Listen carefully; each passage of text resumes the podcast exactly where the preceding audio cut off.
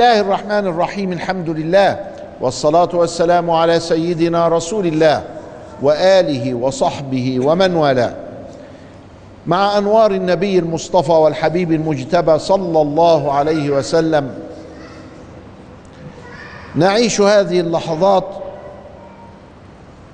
ناخذ منها العبره نجرد منها القواعد ثم بعد ذلك نعود إلى عصرنا كيف نطبق هذه الحكمة الربانية النبوية وهذا الإرشاد.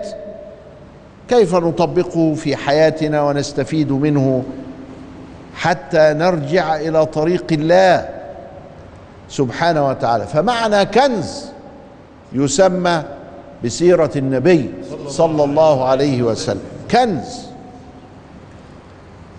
ولا يزال يحتاج إلى تدبر وإلى تأمل وإلى استنباط وإلى استخراج في مواقف تركنا فعلا على المحجة البيضاء ليلها كنهارها لا يزيغ عنها إلا هالك. النبي صلى الله عليه وسلم في المدينة قلنا إنه بنى المسجد وصنع الوثيقة واخى بين المهاجرين والأنصار. كما أنه بنى العلاقات بين الناس. وبدأ النبي صلى الله عليه وسلم في خطبة الجمعة. وكانت الجمعة كما ذكرنا تجمع في المدينة ويجمع بهم مصعب بن عمير. ولما كان مصعب يعمر بالمسلمين وكانوا في حدود الأربعين فإن الإمام الشافعي اشترط الأربعين في الجمعة. أربعين من أهل الجمعة. فرضت الجمعة على الرجال دون النساء فإن حضرت المرأة فمرحبا وأهلا وسهلا وتصلي مع المسلمين وتصلي ركعتين. وإن كانت الجمعة في وقت الظهر والظهر أربع ركعات إلا أنها لما التحقت بالمسلمين في الصلاة في يوم الجمعة تصلي صلاتهم ولا يكون عليها أن تقوم مثلا لأنها ليست من أهل الجمعة تصلي أربع أبدا هي تصلي ركعتين كالرجال ما دامت حضرت الخطبة والموعظة. خفف الله عن المرأة لأنها تحمل ولأنها تلد ثم تدخل في دور الرعاية والعناية ثم تدخل في دور الرعاية للبيت. وكلكم راع وكلكم مسؤول عن رعيته إلى آخره. خفف الله عنها لكن هذا التخفيف معناه معناه أنه تخفيف وليس عدم جواز بل يجوز لها أن تصلي الجمعة. لكن لا تعد عند الشافعي من الأربعين لأنها ليست من أهل الجمعة. على البالغين لكن الأطفال الذين لم يبلغوا بعد يصلون الجمعة. الولد عنده عشر سنوات ومحافظ على صلاته برضه يصلي ركعتين لأنه ألحق به. وعلى المستوطنين المقيمين. ولذلك الجمعة ليست على المسافرين. فالشخص المسافر يمكن أن يصلي لحاله من غير جماعة الجمعة. فإذا صلى الجمعة لا بأس. فكلمة من أهل الجمعة معناها أنها إذا لم يصلها هذا الذي من أهل الجمعة كان آثما بأن يكون رجلا بالغا حاضرا مش مسافرا يعني حرا. فالعبد ليست عليه الجمعة لحسن يكون سيده كلفه بشيء. وكان الشرع الشريف يتشوف لإلغاء الرق والعبودية وقد ألغي والحمد لله فبادر المسلمون في الاتفاق الدولي على إلغاء هذا النظام. وإن كان كان يقوم بشيء من العلاقات الاجتماعية لكن كان الشرع دائما يتشوف إلى إلى إلغائه إذا أهل الجمعة كانوا أربعين فأخذ الشافعي أن العدد أربعين لابد منه. قالوا لا. من قال هذا؟ هذا اتفاق. إن مصعب وجد معاه أربعين نفر بما فيهم الإمام. يعني هم تسعة وثلاثين ها؟ والإمام تمام الأربعين ويكون من أهل الجمعة. الشافعي يقول إذا كنا في قرية وليس عندنا أربعين بما فيهم الإمام يبقى ما فيش جمعة نصليها ظهر. غيره بيقول لا. بعضهم قالوا 12 وبعضهم قالوا اتنين. واحد ومعاه مين واحد تاني. قوم ده يقوم يخطب وده يستمع للخطبة ويصلوا مع بعض. يبقى إذا دي ما هياش محل اتفاق. دي محل اختلاف. ولذلك لما تلاقي روحك في مسجد وتلاقي فيه عشرين واحد بس أو تلاتين تصلي برضه. ليه؟ ما هو الشافعي بيقول ما ينفعش. تقلد من أجاز لأنها محل اختلاف وليست محل اتفاق. تقلده من أجاز. سهلة يعني. أدام محل اختلاف يبقى معناها تختلف وجهات النظر فيها. فجمع النبي صلى الله عليه وسلم بالناس. لكن كان الحضور قد إيه؟ كان الحضور كتير. تسعين في أول جمعة. وهو بيجمع بالمسلمين في سالم بن عوف. سالم بن عوف دي على بعد أربعة كيلو من المدينة. كانوا مية. ما حدش قال بقى إيه؟ يشترط المية. يشترط التسعين. ما حدش قال كده. ولا الإمام الشافعي. الإمام الشافعي خدها من مصعب ابن عمير أنه اتفق أن صلى بالناس فكانوا أربعين. الجمعة النبي لم يصلها في مكة لأنها كانت دار شرك وكفر. فلما وصل المدينة مصعب بن عمير لأن المدينة صارت دار إسلام صلى فيها الجمعة فلما وصل النبي صارت دار إسلام ونص فصلى فيها النبي أيضا الجمعة. يبقى ناخذ من كده حكم وهو أن الجمعة إنما هي في بلاد المسلمين وأنها ليست فرضا في بلاد غير المسلمين. طيب في أمريكا بيصلوا الجمعة. يصح ما دام اتفقوا مع الحكومة يصح. طب الحكومة قالت لا ما تصلوش الجمعة ما يجراش حاجة نصلي الظهر على طول. طب المسلمين كتروا والمسجد صغير هل يجوز تعدد الجمعات؟ أيوه عندنا يجوز. يبقى يصلوا الجمعة ينتهوا يصلوا جمعة ثانية وينتهوا لأن المكان لا يسع. يبقى تتعدد الجمعة لأنه في بلاد غير المسلمين. هل المدينة الواحدة لابد فيها من صلاة واحدة في المدينة المنورة؟ بدأت هناك تظهر مساجد أخرى غير مسجد سيدنا. في مسجد في العوالي في مسجد في قباء في مسجد هناك عند في الشرق في الغرب كذا مساجد. هذه المساجد لم يكن تقام فيها الجمعة. ليه؟ لأن المسلمين قليلين.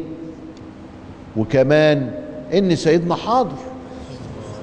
الله يعني النبي عارف إن هو على بعد كيلو كده ومش هروح له.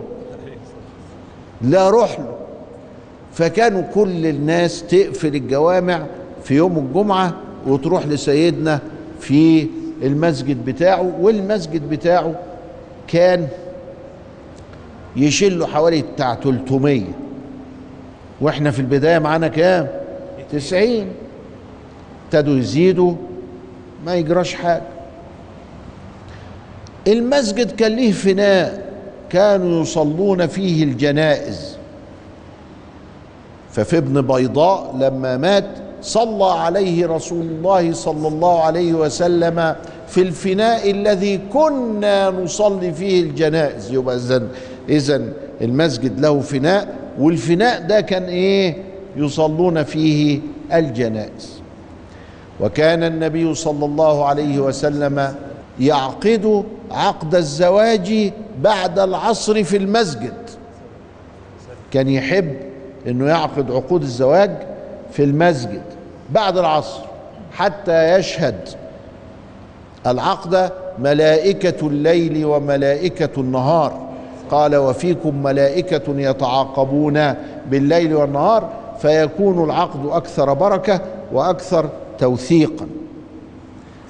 كان النبي صلى الله عليه وسلم يفعل أشياء كثيرة نرى بعضها بعد الفصل.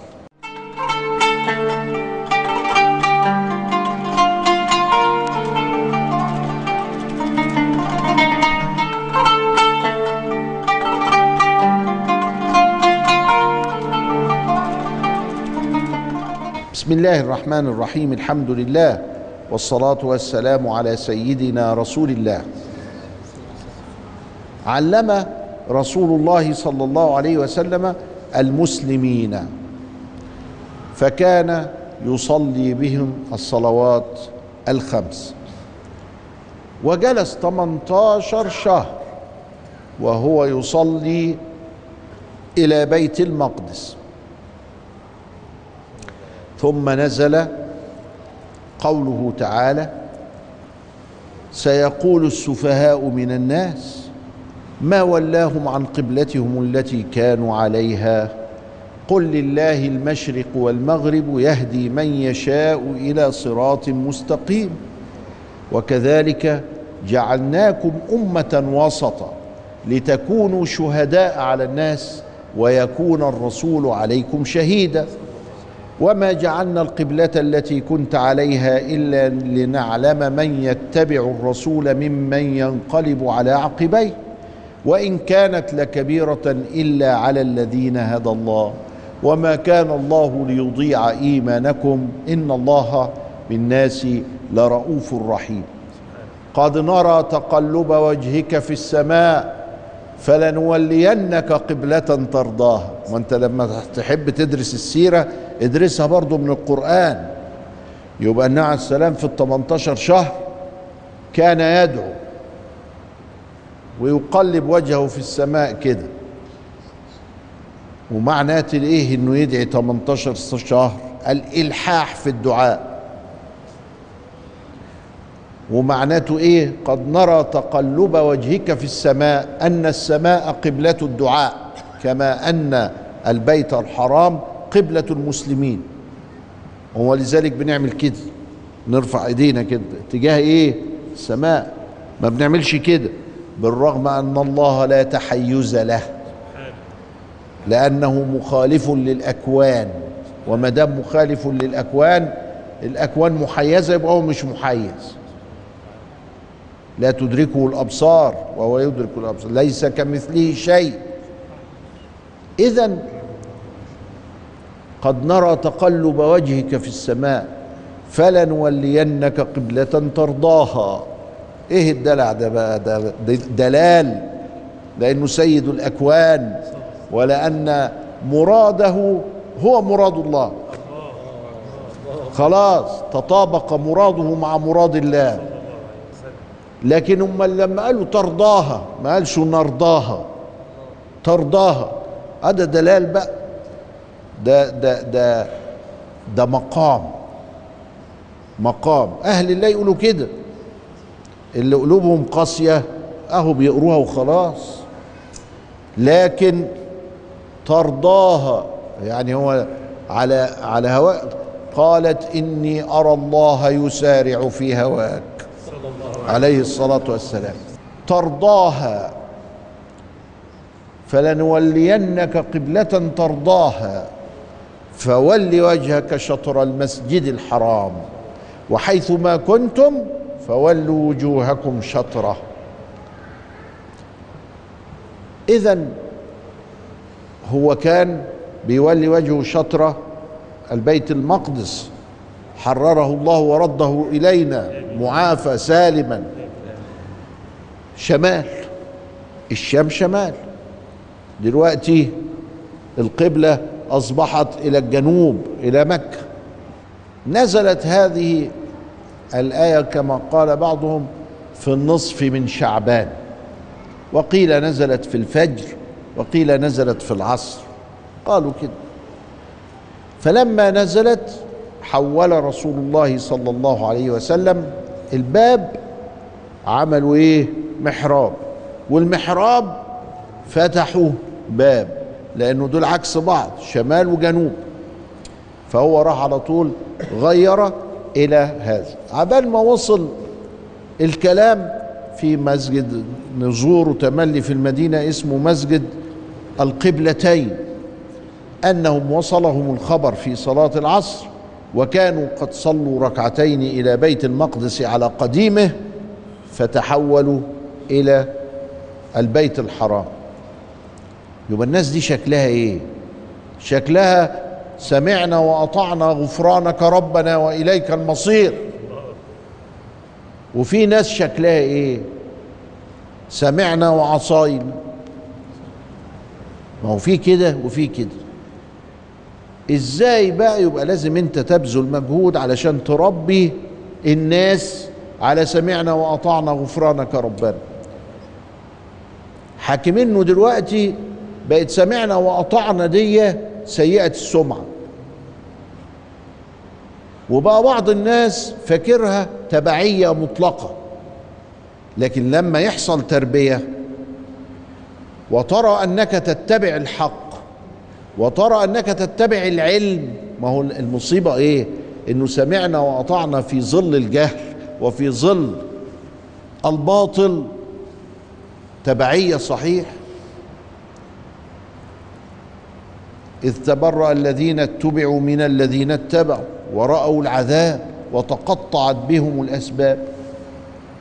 وقال الذين اتبعوا لو أن لنا كرة فنتبرأ منكم كما منهم كما تبرأوا منا. كذلك يريهم الله أعمالهم حسرات عليهم وما هم بخارجين من النار.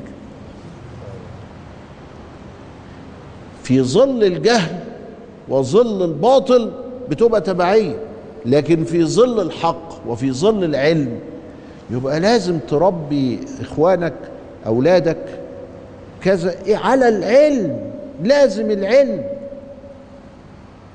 فلانه عالم هيطوع عن علم.